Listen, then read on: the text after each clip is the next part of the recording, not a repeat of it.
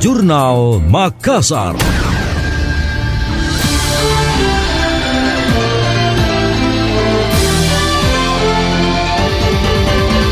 Pemerintah Provinsi Sulawesi Selatan berencana menaikkan dana bantuan partai politik pada tahun 2023. Rencana itu sembari menunggu keputusan dari Kementerian Dalam Negeri soal berapa anggaran yang disetujui.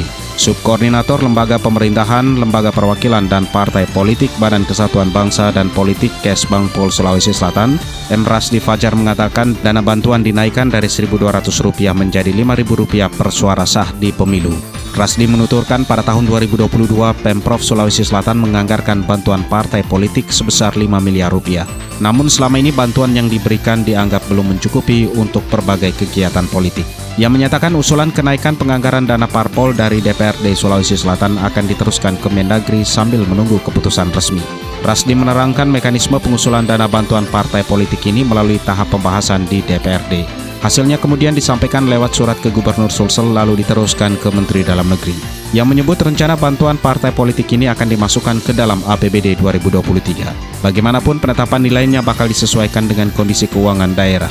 Dia juga menyatakan usulan kenaikan dana bantuan partai politik di Sulawesi Selatan merupakan pertama kalinya sejak tahun 2019. Masyarakat berkebutuhan khusus atau difabel memiliki hak yang sama dengan komponen masyarakat lainnya untuk menjadi anggota Panitia Pemilihan Kecamatan atau PPK dan Panitia Pemungutan Suara atau PPS. Hal tersebut disampaikan Komisioner KPU Sulawesi Selatan Divisi SDM dan Litbang Fatmawati dalam keterangannya di sela-sela kegiatan rapat sosialisasi pembentukan Badan Ad Hoc PPK dan PPS Pemilu tahun 2024 di Makassar.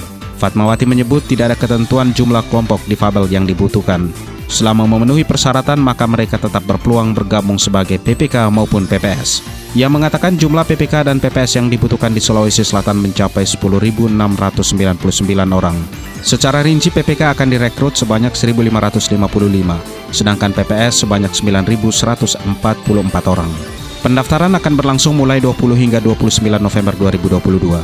Fatmawati menyatakan pihaknya telah menyosialisasikan perekrutan badan ad hoc ini jauh sebelum pendaftaran. Menurutnya masyarakat cukup antusias dengan perekrutan tersebut.